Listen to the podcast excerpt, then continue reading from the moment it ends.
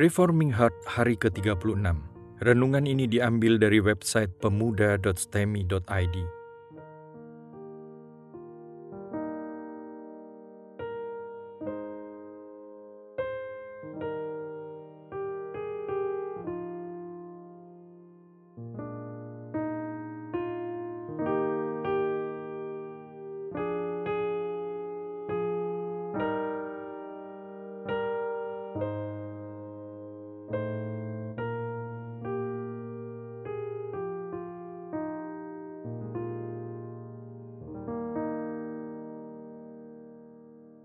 Tema renungan hari ini adalah Daud membebaskan Saul.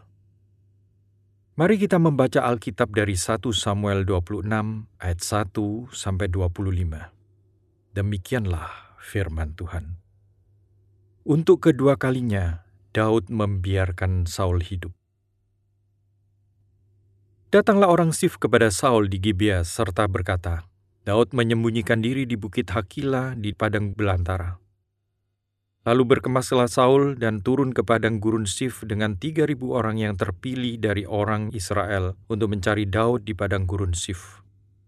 Berkemaslah Saul di bukit Hakila yang di tepi jalan di padang belantara, sedang Daud tinggal di padang gurun. Ketika diketahui Daud bahwa Saul datang mengikuti dia ke padang gurun, disuruhnyalah pengintai-pengintai. Maka diketahuinyalah bahwa Saul benar-benar datang. Berkemaslah Daud, lalu sampai ke tempat Saul berkemah. Waktu Daud melihat Saul berbaring dengan Abner bin Ner, panglima tentaranya. Saul berbaring di tengah-tengah perkemahan, sedang rakyat berkemah sekelilingnya. Berbicaralah Daud kepada Ahimelek orang Het itu, dan kepada Abisai anak Seruya, saudara Yoab. Katanya, Siapa turun bersama-sama dengan aku kepada Saul ke tempat perkemahan itu? Jawab Abisai, aku turun bersama-sama dengan engkau.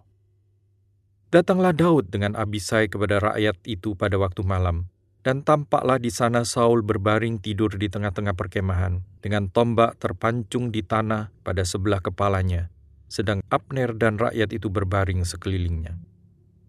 Lalu berkatalah Abisai kepada Daud, Pada hari ini Allah telah menyerahkan musuhmu ke dalam tanganmu, oleh sebab itu, izinkanlah kiranya aku menancapkan dia ke tanah dengan tombak ini. Dengan satu tikaman saja, tidak usah dia kutancap dua kali. Tetapi kata Daud kepada Abisai, Jangan musnahkan dia, sebab siapakah yang dapat menjama orang yang diurapi Tuhan dan bebas dari hukuman? Lalu kata Daud, Demi Tuhan yang hidup, niscaya Tuhan akan membunuh dia, entah karena sampai ajalnya dan ia mati entah karena ia pergi berperang dan hilang lenyap di sana. Kiranya Tuhan menjauhkan daripadaku untuk menjamah orang yang diurapi Tuhan. Ambillah sekarang tombak yang ada di sebelah kepalanya dan kendi itu, dan marilah kita pergi. Kemudian Daud mengambil tombak dan kendi itu dari sebelah kepala Saul. Lalu mereka pergi. Tidak ada yang melihatnya, tidak ada yang mengetahuinya, tidak ada yang terbangun, sebab sekaliannya tidur karena Tuhan membuat mereka tidur nyenyak. Setelah Daud sampai ke seberang, berdirilah ia jauh-jauh di puncak gunung, sehingga ada jarak yang besar antara mereka. Dan berserulah Daud kepada tentara itu dan kepada Abner bin Ner, katanya, Tidakkah engkau menjawab Abner? Maka jawab Abner katanya, Siapakah engkau ini yang berseru-seru kepada raja? Kemudian berkatalah Daud kepada Abner, Apakah engkau ini bukan laki-laki, Siapakah yang seperti engkau di antara orang Israel? Mengapa engkau tidak mengawal tuanmu raja? Sebab ada seorang dari rakyat yang datang untuk memusnahkan raja tuanmu itu. Tidak baik hal yang kau perbuat itu. Demi Tuhan yang hidup, kamu ini harus mati, karena kamu tidak mengawal tuanmu, orang yang diurapi Tuhan itu. Sekarang, lihatlah, di mana tombak raja dan kendi yang ada di sebelah kepalanya. Saul mengenal suara Daud, lalu ia berkata, Suaramu kah itu anakku Daud? Jawab Daud, suaraku tuanku raja. Lalu berkatalah ia, mengapa pula tuanku mengejar hamba ini? Apakah yang telah kuperbuat? Apakah kejahatan yang telah melekat pada tanganku? Oleh sebab itu, kiranya tuanku raja mendengarkan perkataan hambanya ini. Jika Tuhan yang membujuk engkau melawan aku, maka biarlah ia mencium bau korban persembahan Tetapi jika itu anak-anak manusia, terkutuklah mereka di hadapan Tuhan. Karena mereka sekarang mengusir aku sehingga aku tidak mendapat bagian daripada milik Tuhan dengan berkata, Pergilah, beribadalah kepada Allah lain. Sebab itu, janganlah kiranya darahku tertumpah ke tanah jauh dari hadapan Tuhan. Sebab Raja Israel keluar untuk mencabut nyawaku, seperti orang yang memburu seekor ayam hutan di gunung-gunung. Lalu berkatalah Saul, Aku telah berbuat dosa, pulanglah anakku Daud. Sebab aku tidak akan berbuat jahat lagi kepadamu, karena nyawaku pada hari ini berharga di matamu. Sesungguhnya perbuatanku itu bodoh dan aku sesat sama sekali. Tetapi Daud menjawab, Inilah tombak itu, ya tuanku raja. Baiklah, salah seorang dari orang-orangmu itu menyeberang untuk mengambilnya. Tuhan akan membalas kebenaran dan kesetiaan setiap orang, sebab Tuhan menyerahkan engkau pada hari ini ke dalam tanganku, tetapi aku tidak mau menjama orang yang diurapi Tuhan.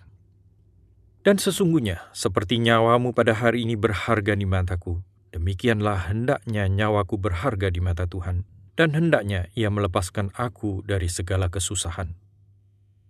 Lalu berkatalah Saul kepada Daud, Diberkatinya kiranya engkau, anakku Daud, apa jua pun yang kau perbuat, pasti engkau sanggup melakukannya. Lalu pergilah Daud meneruskan perjalanannya, dan pulanglah Saul ke tempatnya. Mari kita merenungkan. Bagian ini sangat mirip dengan 1 Samuel 23 ayat 19 sampai 24 ayat 22. Seperti yang sudah dibahas pada Reforming Heart pada hari yang ke-31, 32, 33, dan 34. Tetapi tetap saja ada beberapa bagian yang berbeda dari Daud. Inilah bagian di mana Daud mulai kembali menunjukkan wibawanya sebagai seorang pemimpin perang. Perhatikan di pasal 26 ayat 3. Jika dalam pasal 23 ayat 23 dikatakan bahwa Saul mengirim mata-mata untuk mencari tahu tempat Daud, maka dalam pasal 26 ayat 3, Daudlah yang mengirim mata-mata.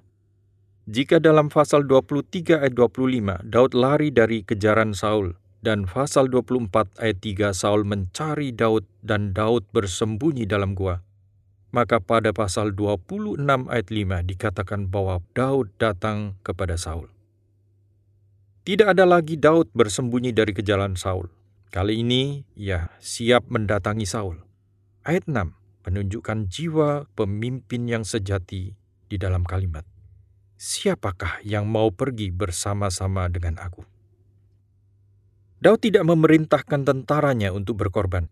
Dia mengajak tentaranya untuk berkorban bersama-sama dengan dia. Maka jawabnya direspon dengan salah satu anak-anak Seruya yang masih merupakan keponakan Daud sendiri dengan segera. Abisai anak Seruya segera pergi bersama-sama dengan Daud. Untuk apa? Apakah untuk memerangi Saul? Bukan. Daud tahu bahwa ia tidak akan boleh memerangi pasukan Israel. 1 Samuel 27 ayat 1 mengatakan bahwa Daud tetap kembali dalam pelarian demi nyawanya sendiri. Tetapi Daud bukan lagi seorang pelarian yang ketakutan dan bersembunyi. Mungkin dia tetap takut dengan bahaya yang terus-menerus mengancam nyawanya, yang mengejarnya. Apakah yang mau dinyatakan oleh kitab ini? Bahwa Daud telah mengalahkan rasa takutnya dan bangkit dari keterpurukan. Tidak.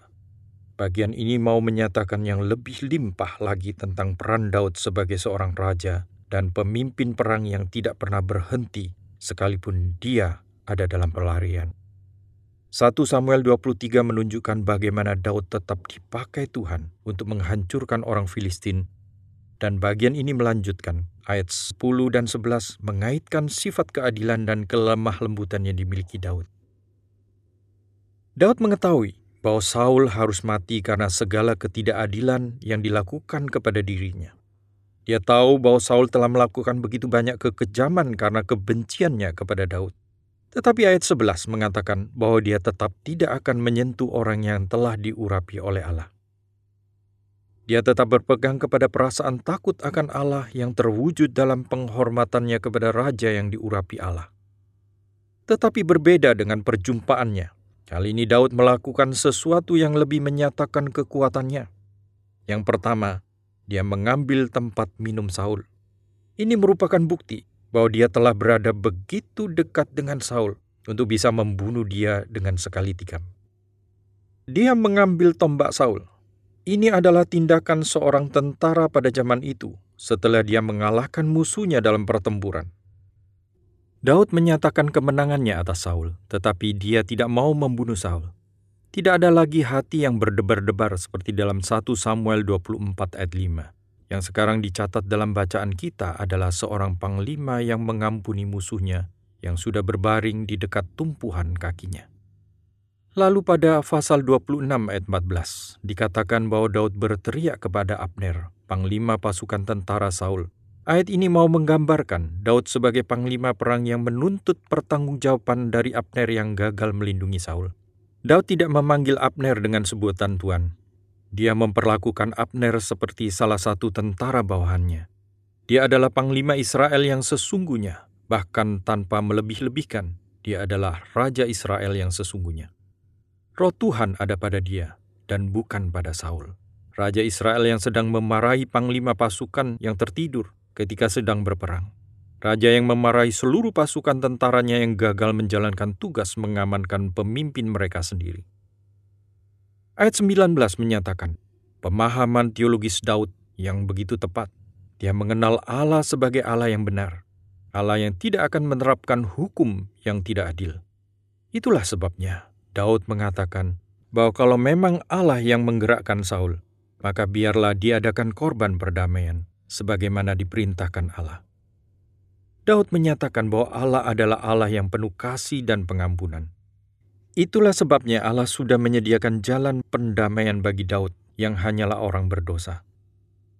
Tetapi jika manusia yang menggerakkan Saul, maka orang itu harus dikutuk. Mengapa harus dikutuk? Karena Daud dipaksa untuk pergi meninggalkan daerah Israel walaupun dia sama sekali tidak pernah melakukan kesalahan seperti yang dituduhkan kepadanya. Dan jikalau Daud harus lari meninggalkan daerahnya, maka hal itu sama saja dengan menyuruh dia menyembah ilah-ilah lain. Membuat Daud menjadikan pelarian dan mendesak dia hingga harus pergi keluar daerah Israel adalah sama dengan menarik bagian dalam tanah perjanjian Tuhan. Ini berarti dia harus menjadi bagian dari orang-orang kafir penyembah berhala. Bagian selanjutnya yang ingin disorot dalam ayat 22 dan 24. Meskipun Saul berjanji lagi bahwa dia tidak akan mengejar Daud lagi, Daud tetap menyatakan suatu ketegasan yang besar. Dia menunjukkan tombaknya raja sebagai suatu cara menyatakan bahwa dia adalah sang penakluk yang mengampuni nyawa Saul. Daud mengampuni nyawa Saul karena dia ingin menyerahkan kepada Tuhan segala penghakiman dan penghukuman bagi yang bersalah. Dalam ayat ke-24, Daud menyatakan bahwa seperti nyawa Saul berharga di mata Daud, kiranya nyawa Daud berharga di mata Tuhan. Dia tidak pernah mengatakan, kiranya nyawaku berharga di mataku Tuanku Raja. Dia tetap membawa kasusnya kepada Tuhan, pembelanya yang adil, dalam pasal 26 ayat 22 sampai 24, perkataan Daud tetap dinyatakan dengan prinsip yang sama dengan yang dikatakan kepada Saul pada pasal 24 ayat 10 sampai 15. Tetap menyerahkan penghakiman atas ketidakadilan yang dia terima kepada Tuhan dan percaya kepada Tuhanlah yang akan membalas segala ketidakadilan itu. Walaupun sekarang Daud ditonjolkan sebagai pemimpin besar dengan intensitas lebih besar dibandingkan dengan bagian-bagian sebelumnya, tetapi mengenai perasaan takut akan Allah yang dimiliki Daud dan juga segala keberserahannya kepada Tuhan untuk membela perkaranya tetap sama. Dari muda sampai dia menjadi tua, Tuhan adalah tempat Daud berlindung. Dari muda sampai dia nanti mati, Tuhan adalah satu-satunya yang ditakuti dan dikasihi Daud. Kiranya hati kita disentuh dan diubahkan oleh firman Tuhan hari ini dengan melihat tiga hal berikut. Yang pertama, kaitan bagian ini dengan keseluruhan kitab 1 Samuel. Pada bagian ini kitab 1 Samuel mulai menunjukkan kepahlawanan Daud di dalam kepemimpinannya. Kisah mengenai pendiriannya yang tetap di dalam kebenaran dan keputusannya yang diwarnai dengan perasaan takut akan Tuhan dan keberserahan kepada Tuhan menjadi bagian dari suatu transisi di mana Saul akan benar-benar hancur dan Daud akan benar-benar naik tahta. Bagian ini mulai memberikan laporan mengenai jiwa yang agung dari Daud sebagai raja yang akan naik tahta. Yang kedua, apakah yang dapat kita pelajari? Bagian ini mengajarkan kepada kita untuk memiliki perasaan takut akan Tuhan dan keberserahan kepada Tuhan sebagai suatu komitmen hati. Segala keputusan yang kita buat akan sangat ditentukan oleh komitmen hati kita.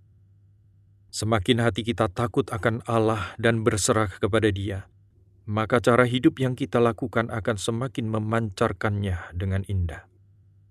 Yang ketiga, bayang-bayang Kristus. Dalam bagian ini, kita akan melihat bayang-bayang dari Kristus. Kristus akan menjadi raja, dan kehidupan Daud menjadi bayang dari Kristus yang akan datang.